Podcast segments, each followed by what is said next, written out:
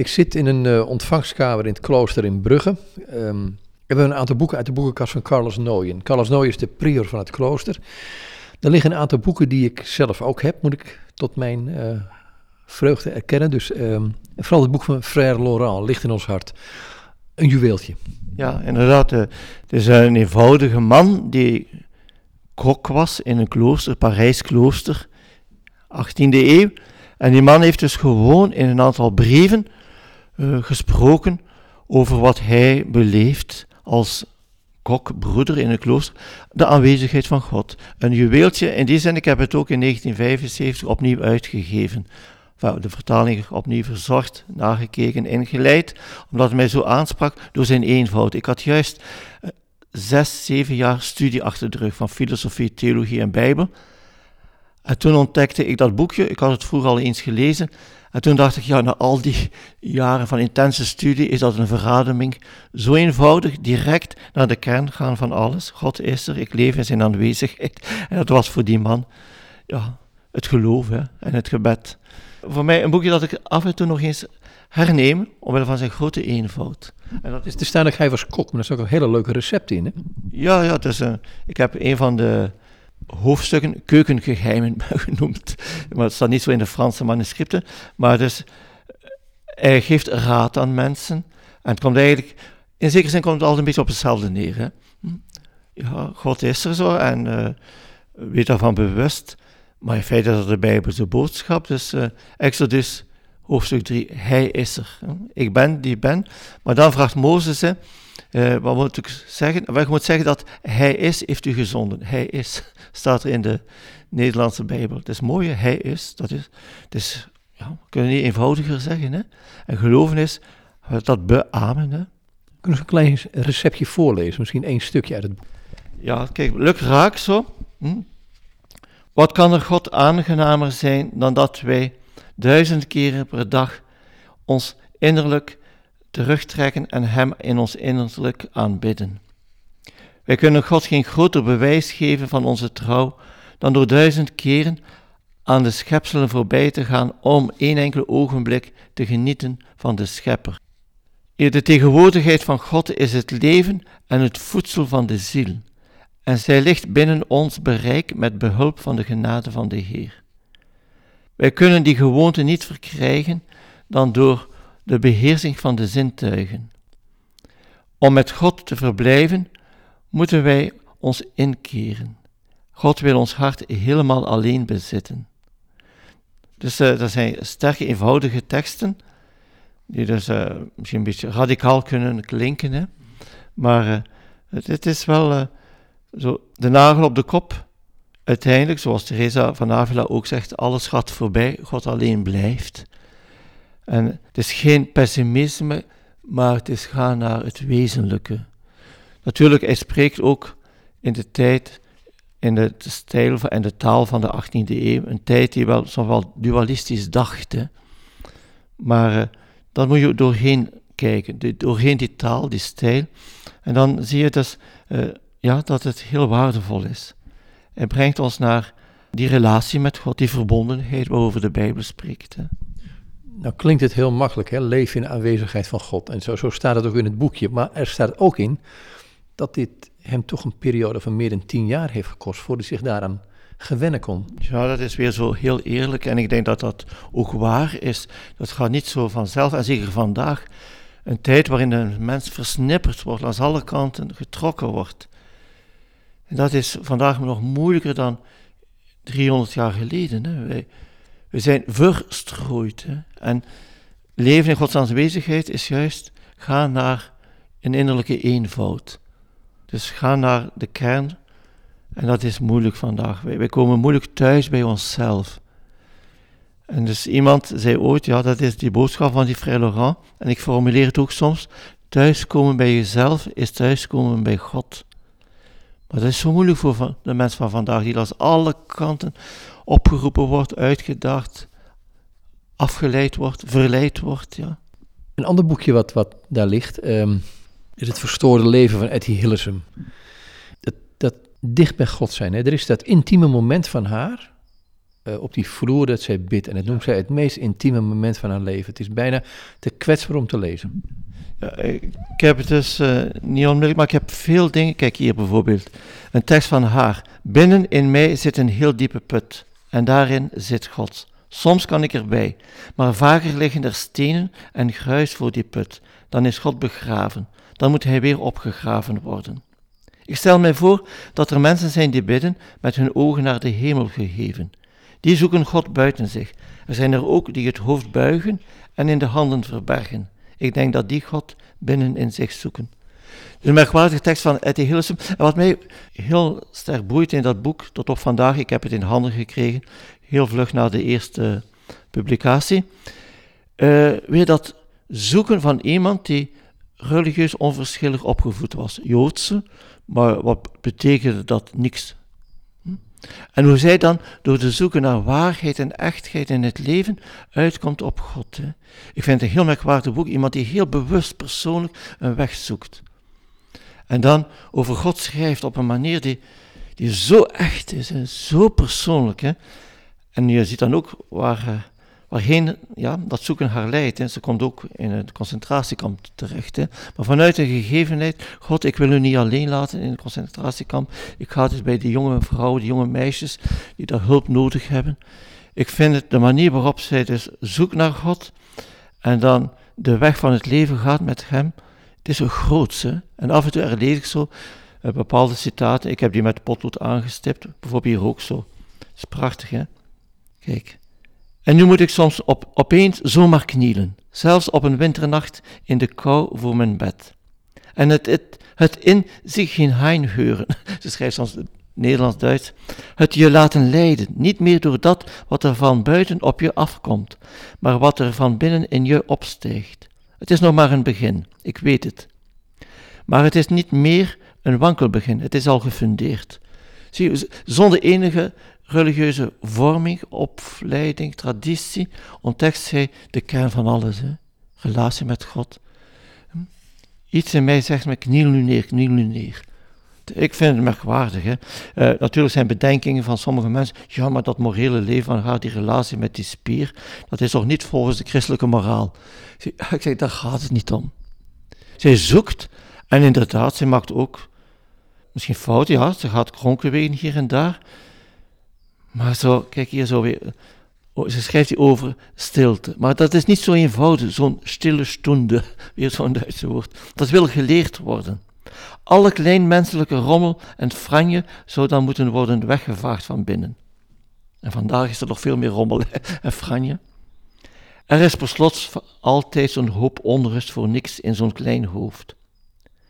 Verruimende en bevrijdende gevoelens en gedachten zijn er ook wel, maar de rommel is er altijd doorheen.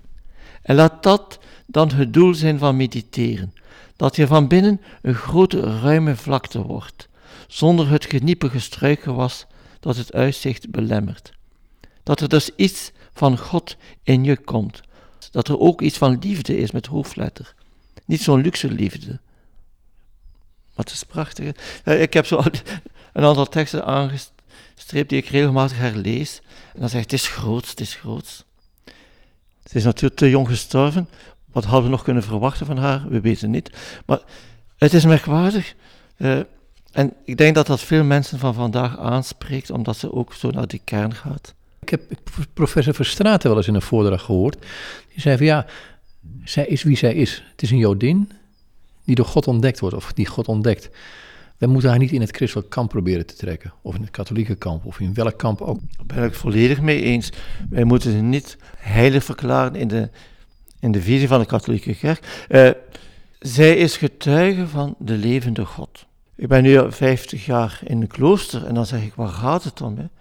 Hij is er en hij, wil mijn leven leiden en vervullen. Hè? En al de rest, maar alles, alles over ben ik bijkomstig, maar ik ben wel dankbaar dat ik door veel bij, zogezegd bijkomstige dingen de kern ontdekt heb. Maar die kern die gaat uh, bij u, dat ik een beetje ken, toch naar Jezus Christus toe. Ja. Daar ligt het boek uh, En het woord was bij God. Dat is een boek met gedichten. Het is een bloemlezing door een uh, Vlaamse priester, die zelf ook een grote dichter was, Anton van Wilderode. En het zijn 500 religieuze gedichten uit de Nederlandse letterkunde. Dat boek is al meer dan 20 jaar oud. Een prachtige verzameling, dus van de voorbije eeuwen. Ik lees die graag omdat poëzie is een van de beste toegangswegen naar God, vind ik. En zeker religieuze poëzie. Omdat mensen daarin iets uitdrukken met beelden, symbolen, iets uitdrukken van wat niet te verwoorden is met theologie. Een diepste ervaring, ook de liefdeservaring, komt best aan bod in poëzie. En ik lees graag die gedichten, ik geef die soms, ik beveel die soms aan aan mensen, omdat dat iets wakker maakt. Wat zijn zo van die favoriete gedichten uit dit boek? Ja, favorieten. Uh, wat ik natuurlijk als Vlaming hm, waardeer, zijn de gedichten van Guido Gezelle. Dat was een Vlaamse priester, in mijn ogen een echte mysticus. Er is één probleem, maar niet enkel voor Vlamingen, en zeker voor Nederlands, maar ook Vlamingen hebben soms het probleem met zijn taal. Dus hij leeft in de, vooral in de tweede helft van de 19e eeuw. En uh, het is een, een, een, taal die soms zeer, wij zouden zo vandaag zeggen, dialect is. Hè. Maar dat was een mysticus.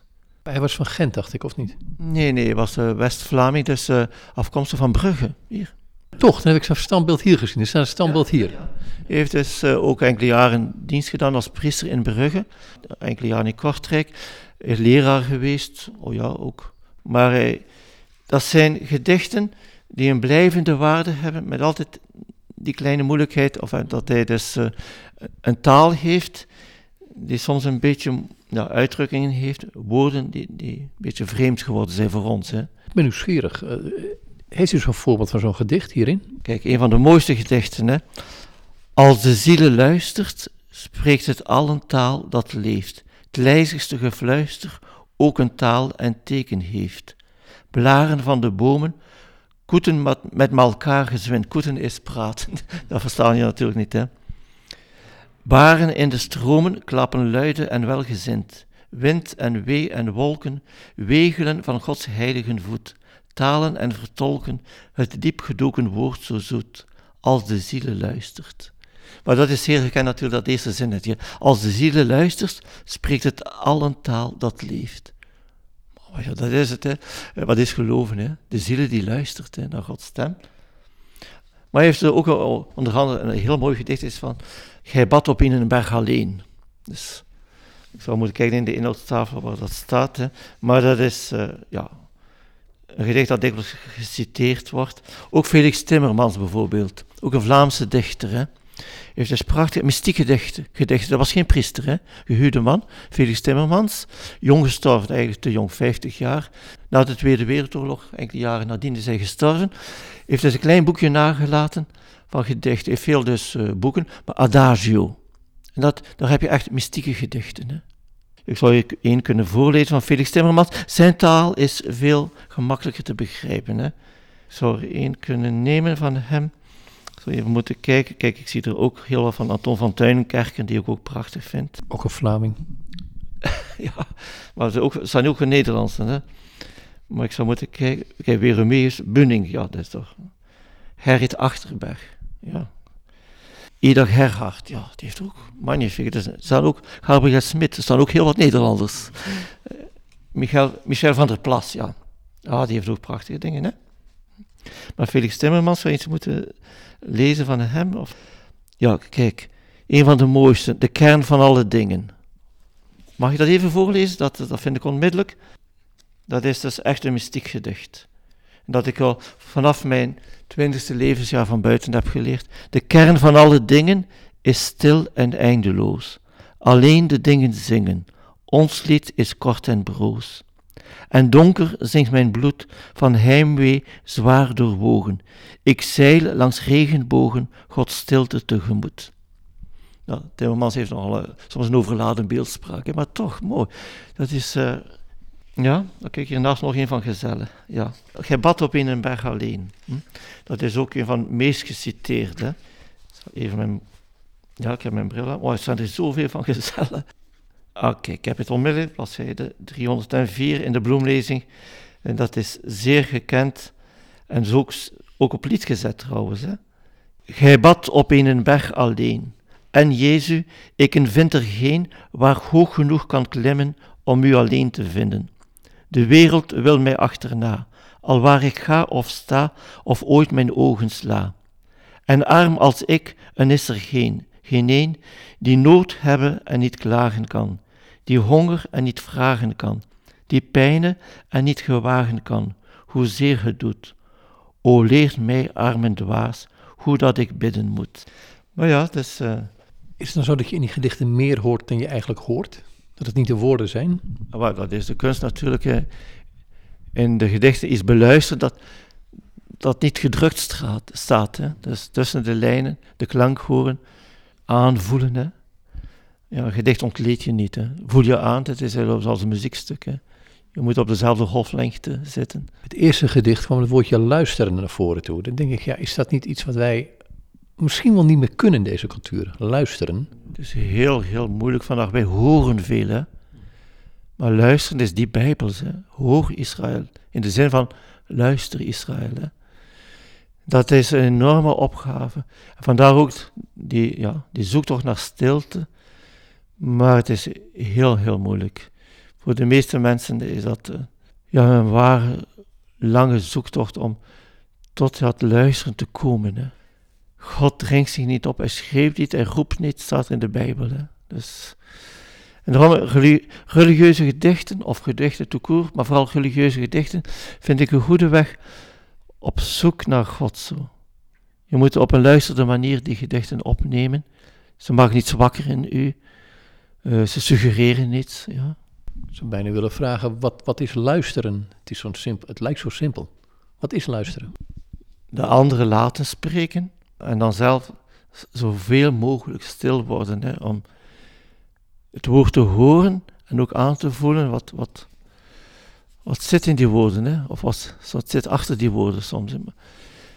Ik bedoel, ik moet het veel doen door mijn taak als priester. Luister ik veel naar mensen. En ik weet ook uit ervaring dat dat niet zo eenvoudig is.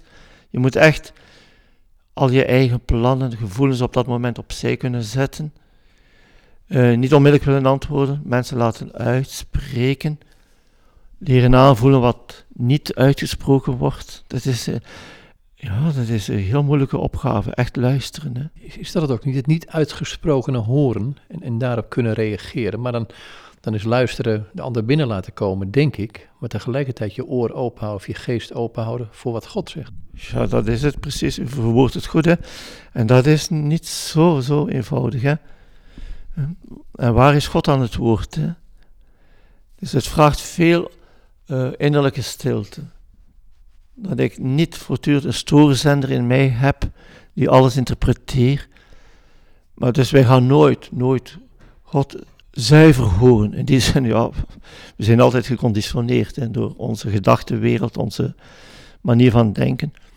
Maar dat is geloven uiteindelijk zo, zoveel mogelijk. Ja, Paulus gebruikt het woordje luistert toch ook dikwijls. Hè. Wordt gij gered omdat gij luistert en gelooft, of omdat gij de wet onderhoudt? Hè? Dus in de Galatenbrief hoofdstuk 3, hè? dat luisteren hè, bij Paulus is, dat is een ander woord voor geloven. Hè? Maar luisteren naar een blijde, goede boodschap, die dan ook een antwoord van overgave, van vertrouwen uitlokt. Hè? U zei het al, er zit natuurlijk een heleboel ruis in onszelf, een heleboel herrie in onszelf, waardoor je niet, zoals de ander niet eens kunt, ja je hoort hem wel, maar je hoort niet wat hij zegt. Ja, ja. Maar ja, dus, wij interpreteren veel hè? en wij horen wat we graag horen.